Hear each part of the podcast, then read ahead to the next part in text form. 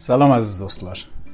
Ümidvaram çox gözəl həftə keçirmiş olasınız və birlikdə Anton Çexovun Mərc adında öykücüyünün ikinci bölümünü birlikdə oxuyaq.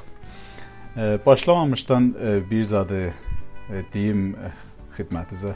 O da budur ki, əgər arada görürsüz, hərdən bu öyküləri oxuya-oxuya məksilər olur mənim səsimdə, dayanmaqlar olur, mınnamın eləməklər olur. İlləti budur ki, Mən də sizinlə bərabər bu dastanı oxuya-oxuya gedirəm, gedirəm qabağa tərcümə edirəm və qabaqcadan bir hazırlanmış tərcümə e, yoxdur. Ona görə hərdən məks eləyib sözlərin üstündə dayanıb yaxşı bir tərcümə axtarmaq üçün e, fasilələr düşür. Öz e, böyüklüyünüzə bağışlarsınız onu. Mən də elə sizə tay həftədən həftəyə tikə-tikə oxuyub qabağa gedirəm. Özüm də elə gözləyirəm görüm gələn həftənin e, macərasında nə ittifaqlar düşür.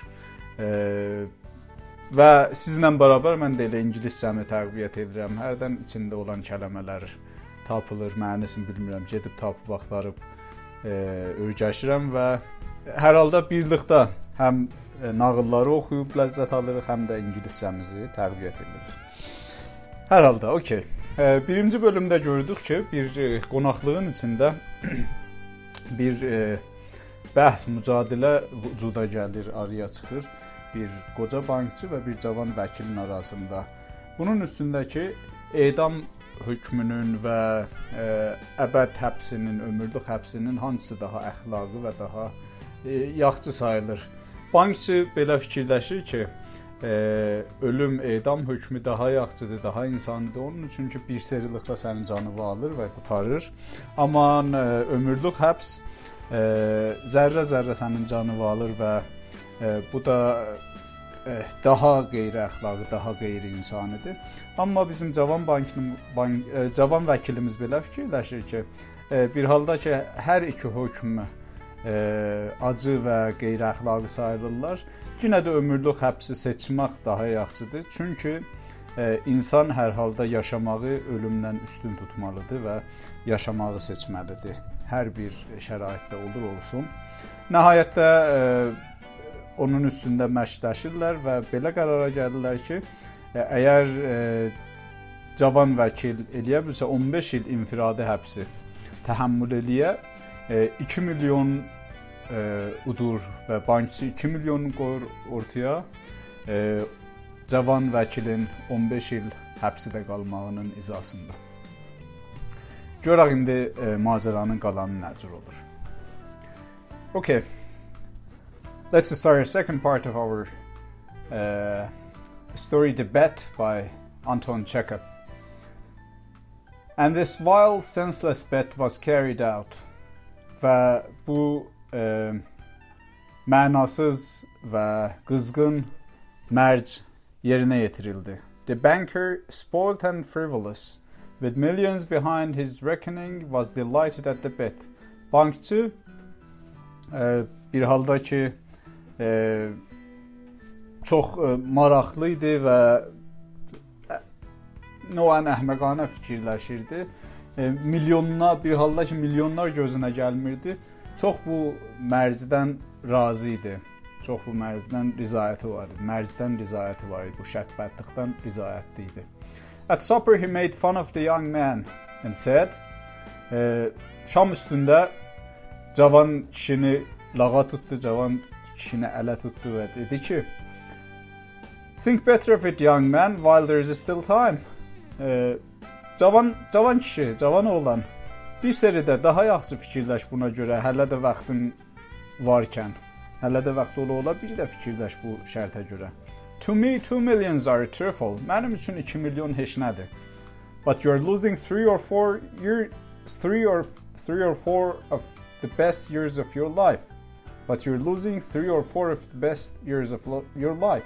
Amma sən e, yaşamının lap gözəl illərinin 3-4-ünü itirirsən.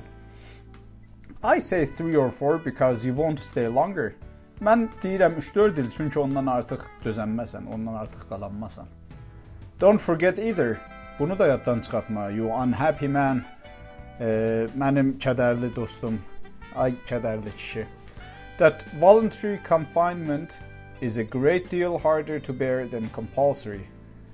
Bunu da yaddan çıxartma ki, e, könüllü e, davtələbanə həbs e, çox daha çətindir məcburi həbsdən. The thought that you have the right to step out in liberty at any moment will poison your whole existence in prison. I'm sorry for you. Bu fikir ki, istədiyin hər an azadlığa addım ata sənin bütün vücuduvu zindanda bürüyər. Bütün vücuduvu zindanda zəhərlər. Mən sənin üçün üzülürəm. and now the banker walking to and fro remembered all this and asked himself və indi bankçı aşağı yuxarı yeriyə yeriyə bütün bunları yadına gətirib e, və özündən soruşurdu. What was the objective of that bet? Bu bu mərcin, bu şərtin amacı, faydası hədəfi nə idi? What is the good of that man's losing 15 years of his life and my throwing away 2 millions? Nə faydası var idi o kişi ömrünün 15 ilini itirə, mən də 2 milyonumu atam eşiyə. Can it prove that the death penalty is better or worse than imprisonment for life? No, no. E, bu isbatlaya bilər ki, edam hökmü ömürlük həbsdən yaxşı ya pisdir? Yox, yox. It was all nonsensical and meaningless.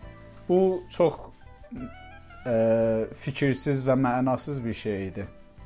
On my part, it was the caprice of a pampered man, and on his part, simple greed for money. Mənim tərəfimdən ancaq bir e, bir e, hər şeyə sahib olan kişinin e, əhval dəyişməsi və onun tərəfindən də sadəcə e, pul tamahı idi. Then he remembered that then he remembered what followed that evening. Sonra yadına gətirdi ki, o axşam daha nələr oldu. It was decided that the young man should spend the years of his captivity under the strictest supervision in one of the lodges in the banker's garden. Belə qərara gəlindi, belə təsmin tutuldu ki, cavan kişi gərək e, həbsdə olan illərini çox e, möhkəm nəzarətin altında bankçının e, bağında olan alaçıqların, kolbələrin birində keçirsin. It was agreed that for 15 years he should not be free to cross the threshold of the lodge. Belə təsmin tutuldu, belə qərara gəlindi ki, 15 il üçün o eləyənməz e, e, alaçığın qapısından çıxa eşiyə, qapısının astanasından, qapısının girişindən eşiyə çıxa. To see human beings o ya e, ya insanlarla görüşə, ya bir insanı görə, to hear the human voice, ya bir insan səsi eşidə, or to receive letters and newspapers, ya da ki namə ya e, qəzet əlinə çata, məktub ya ruznamə əlinə çata. He was allowed to have a musical instrument and books. Ona icazə verilirdi ki, bir musiqi aləti və kitablar əlində olsun. And was allowed to write letters. Və icazəsi var idi namələr yazsın.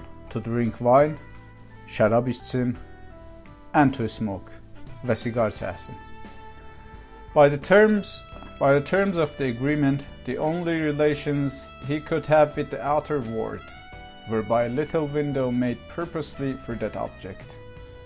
Ee, müvafiqətnamənin bəndlərinə görə onun təhcə irtibatı eşik dünyası ilə bir e, balaca pəncərənin tərqindən ki, bu iş üçün e, düzələcəyi idi, e, mümkün idi. He might have anything he wanted.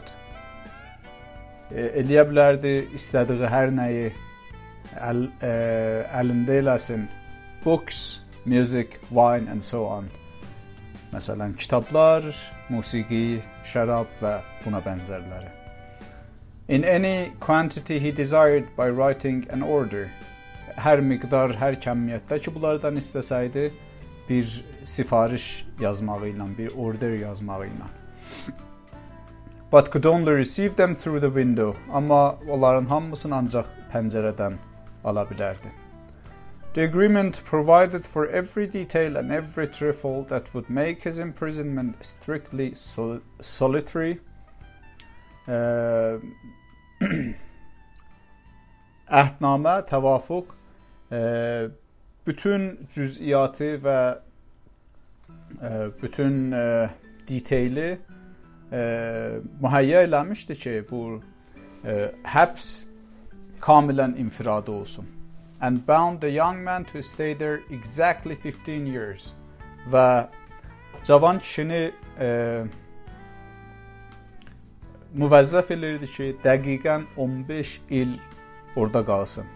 Beginning from 12 o'clock of November 14th, 1870 e, və bu başlayacaqdı 1870 1870-in noyabrın 14-ünün saat 12-sində and ending at 12 o'clock of November 14th, 1885 və başa çatırdı 1885-in noyabrın 14-ünün saat 12-sində. The slightest attempt on his part to break the conditions, if only two minutes before the end, related released the banker from the obligation to pay him 2 millions. Hər bir balaca çalışma onun tərəfindən ki, e, şəraiti sındırsın. Hətta əgər moidin başa çatmağından 2 dəqiqə qabaqda olsa, bankçını təəhhüdündən azad elirdi. Bankçı da lüzumu yox idi 2 milyonu ona verə. Çox gözəl. E, nağılımız buracan görər. E, qeydaq indi əvvəldən bir sərdə oxuyub görək hansı lüğətlər ya qrameri məsələlər var ki, bir-birimizdən murur edə bilirik. And this wild senseless bet was carried out. Wild, wild vəhşi də məna verir burada. Qızğın, çox həyəcanlı mənasındadır. İkinci mənasıdır kəlmənin. Senseless To sense yəni bir zada ehsas eləmək. O rişədən varımızdır, o kökdən varımızdır məsələn sensor. Sensor bir vəsilələrdir ki, bir zadı sens edir. Yəni məsələn varımızdır fərz edin light sensor. Işığı sens edir və özündən bir siqnal göndərir. Smoke sensor ə, tüsünü sens edir. Və senseless yəni faydasız, hissisiz, mənasız Uh, carried out. To carry out yani yerine getirmek. The bet was carried out yani merc yerine getirildi, ancam tapıldı. The banker spoiled and frivolous with millions behind his reckoning. Spoiled yani uh, usulen spoil həm xarab eləmək mənasındadır, həm də öz dilimizcə əzdirmək mənasındadır. Yəni deyirlər məsələn spoiled child, yəni sırtıq uşaq, əzdirilmiş uşaq. E, spoilt burada da e, böyük insan, böyük yəni böyümüş insanlarda, uşaq olmayanlara da, balıq insanlara spoilt yəni o adam ki, hər nə mənə ixtiyarındadır. E, bir cürə demək olar sırtıq uşağın böyük versiyonu. Frivolous da mənasız, puç belə məna verir. Reckoning, to reckon yəni bir zadı ehsas eləmək bir zadı e, başa düşmək.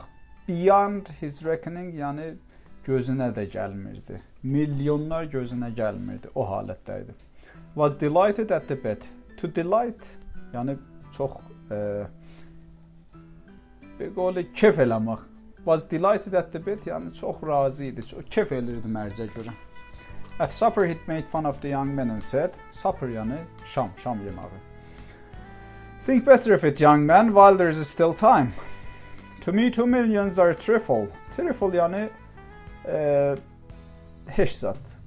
Yəni çox e, eh, ərzişsiz, dəyərsiz, əhəmiyyətsiz. But you're losing three or four of the best years of your life. I say three or four because you won't stay longer. Don't forget either, you unhappy man, that voluntary confinement is a great deal harder to bear than compulsory. Voluntary, voluntary yani gönüllü, könüllü. Davtələbanə. Volunteer yəni könüllü adam, dav, tələb. Confinement yəni bir yerdə həbs olmaq. Uh, is a great deal harder. Yəni great deal harder yəni çox dərəcədə daha çətin. Yəni çox çox çətin. To bear. Bear yəni təhammül eləmək. Buna bənzər kəlmələr də bear eləmə tələffüz olur vardılar. Məsələn, bear elə buna B E A R fe'l mənasında elə bu ki dedim təhammül eləmək mənasındadır. Yenə buna tay B E A R yazılır. Ayı mənasındadır. Xers. Ayı. Sonra B double E R varımızdır. B E E R. O mənası yəni arpa suyu, mavşayır, abcu. Uh, compulsory, compulsory yəni icbari. The thought that you have the right to step out in liberty at any moment will poison your whole existence at present. I'm sorry for you. Liberty, liberty yəni azadlıq, özgürlük. Liberal, liberal yəni azat düşüncəli, azad fikirli. E, və o adda siyasi hizblər də var müxtəlif keşverlərdə. E, ondan sonra Fransanın məsələn e, mə məşhur şüarı, yəni milli şüarları e, budur. Liberté, égalité et fraternité. Əgər ingiliscə tərcümə eləsək, elə ona bənzər liberty, equality and fraternity. Liberty yəni azadlıq, equality yəni bərabərlik, fraternity yəni qardaşlıq. O 3 dənə de Gaulle Fransa'nın motosudur, şüarıdır. Liberté, égalité et fraternité. Çox uzaq düşməyək. Moment, ləhzə, an. well, poison your whole existence. Poison yəni zəhər, To poison yəni zəhərləmək. Bu da ingilis dilinin e, güclü tərəflərindəndir. Çox rahat kəlmədən feil düzədə bilər. E, necə ki burada poison yəni zəhər, to poison yəni zəhərləmək. Anyways, uh, and now the banker walking to and fro. To and fro yəni dalı qabağa getmək yuxarı aşağı getmək. Walking to and fro yəni qabağa gedirdi, gedirdi. Remembered all this and asked himself what was the object of the bet. Object hədəf, amac. What is the good of that man's losing 15 years of his life and my throwing away 2 millions? To throw away yəni eşiyə atmaq. Yəni eşiyə tolazlamaq, eşiyə atmaq. Can it prove? Prove isbatlamaq. Can it prove that the death penalty is better or worse or worse than imprisonment for life? No, no. It was all nonsensical and meaningless. Nonsensical. Üstə dedik senseless. Bu da ayrı model həmin kəlməni demə, deməkdir. Sense sensical yani ağılanə, nonsensical yəni qeyri-ağılanə, ağılsızcasına. Senseless de həmin mənidədir, yenə yəni ağılsızcasına. Faydasız. Meaningless, meaning yəni məna, meaningless mənasız.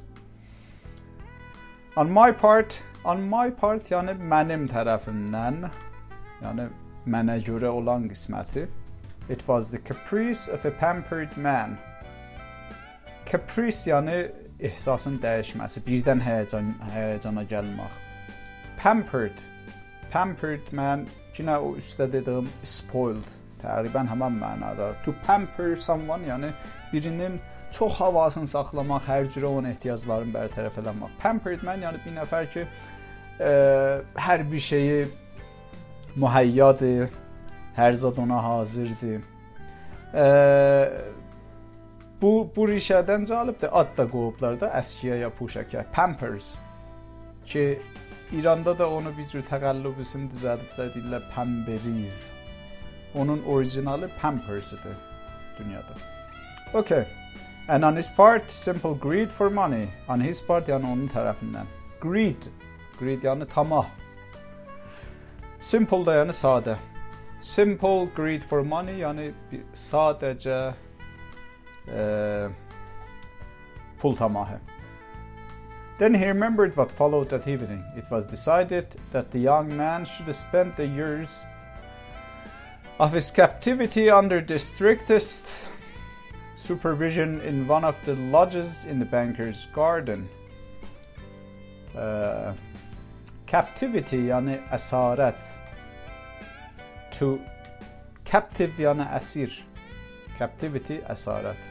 under the strictest strict yani çox ə, e, möhkəm, çox ə, e, müqəyyəd olunmuş, yəni azad azadlıq dərəcəsi olmayan strictest supervision, supervision yəni nəzarət, strictest supervision yəni çox möhkəm nəzarət. Under the strictest supervision, yəni çox möhkəm bir nəzarət altında. Lodge, lodge yəni alaçıq, yəni kolbə. It was agreed that for 15 years he should not be free to cross the threshold of the lodge. Cross ubur. Threshold. Giriş, girişi. To see human beings, human being yəni insan növü, insan. To hear the human voice or to receive letters and newspapers. He was allowed, allow yəni icazə vermək, allowed yəni icazəli olmaq to have a musical instrument and books, and was allowed to write letters or drink wine and to smoke. Wine. Shut up, man, isn't that? By the terms of the agreement, agreement yani e, muahede, tevafukname. Term yani band. Onun yani muvaffakatnamenin bandları. Terms of the agreement. The only relations, relations, irtibat, he could have with the outer world were by a little window made purposely for that object. Purpose, hedef. Purposely yani bu hedefin esasında. Object'taki dedik hedef mani verir. He might have anything he wanted, books, music, wine and so on. And so on yani buna taylar ve gayre ve qis ala haza. In any quantity he desired. Quantity yani kemiyet, miktar. Quality yani keyfiyet. Quantity, kemiyet. He desired, desired yani göylü çəkmək, istemək. By writing an order, but could only receive them through the window. Through yani e, bir zadın məcrasından. Through the window yani pəncərənin təriqindən, pəncərənin yolundan. The agreement provided for every detail and every trifle. Detail cüz'iyat, trifle yine cüz'iyat məni verir. And would make his imprisonment strictly solitary. Imprisonment yani zindanda olmak. Prison yani zindan. Imprison yani zindana salmak. Imprisonment yani zindanda olmak. Strictly üstlədik. Solitary yani infiradi, şəxsi, tək and bound the young man to stay there exactly 15 years. Bound yani məhdud eləmək, yəni e, çarçuvaya salmaq. Boundary yəni bir zadın məhdudəsi, mərzləri. E, sınırı, sərhədi boundary. Beginning from 12 o'clock of November 14th, 1870 Ah, bu ədədləri, illəri oxumaqda ingiliscədə belə bir zat var. E, onun yerinəki gələləri deyirlər 1870, deyirlər 1870. Yəni həm demək olar 1870, amma daha mərsum olanı budur ki, deyirlər 1870. Məsələn indi 2019-da onu deyirlər 2019. And ending at 12 o'clock of November 14th, 1885. The slightest attempt, slight yani cüz'i, slightest attempt yani telaş, çalışmak. The slightest attempt yani her bir cüz'i telaş, her bir cüz'i çalışmak. On his part, onun tarafından to break the conditions, condition şerait, to break the condition şeraiti sındırmak için. If only two minutes, if only yani hatta eğer. Two minutes before the end, released the banker release yani azad eləmək. Yəni bir qeyd bəndi götürmək. Release the banker from the obligation obligation məsuliyyət to pay him 2 millions. Release the banker from the obligation. Yəni məsuliyyəti bank bankçının üstündən götürür. To pay him 2 millions ki ona 2 milyon versin. Çox da gözəl. Görək gələn həftə bu 15 ilə görə nələr oxuyacaq nağılımızda və 15 il cavan vəkilimizə necə keçir. Ə, gözəl bir cümə günü sizə arzulayıram və üz-üzə gələn gələn həftəni də müvəffəqiyyət və xoşluqla dolu sizə arzu edirəm. Have a great Friday and a greater weekend week ahead of you. So take care of yourself and see you next Friday next week and we'll see together what happens to the young man in the confinement for 15 years in the banker's lodge. Goodbye.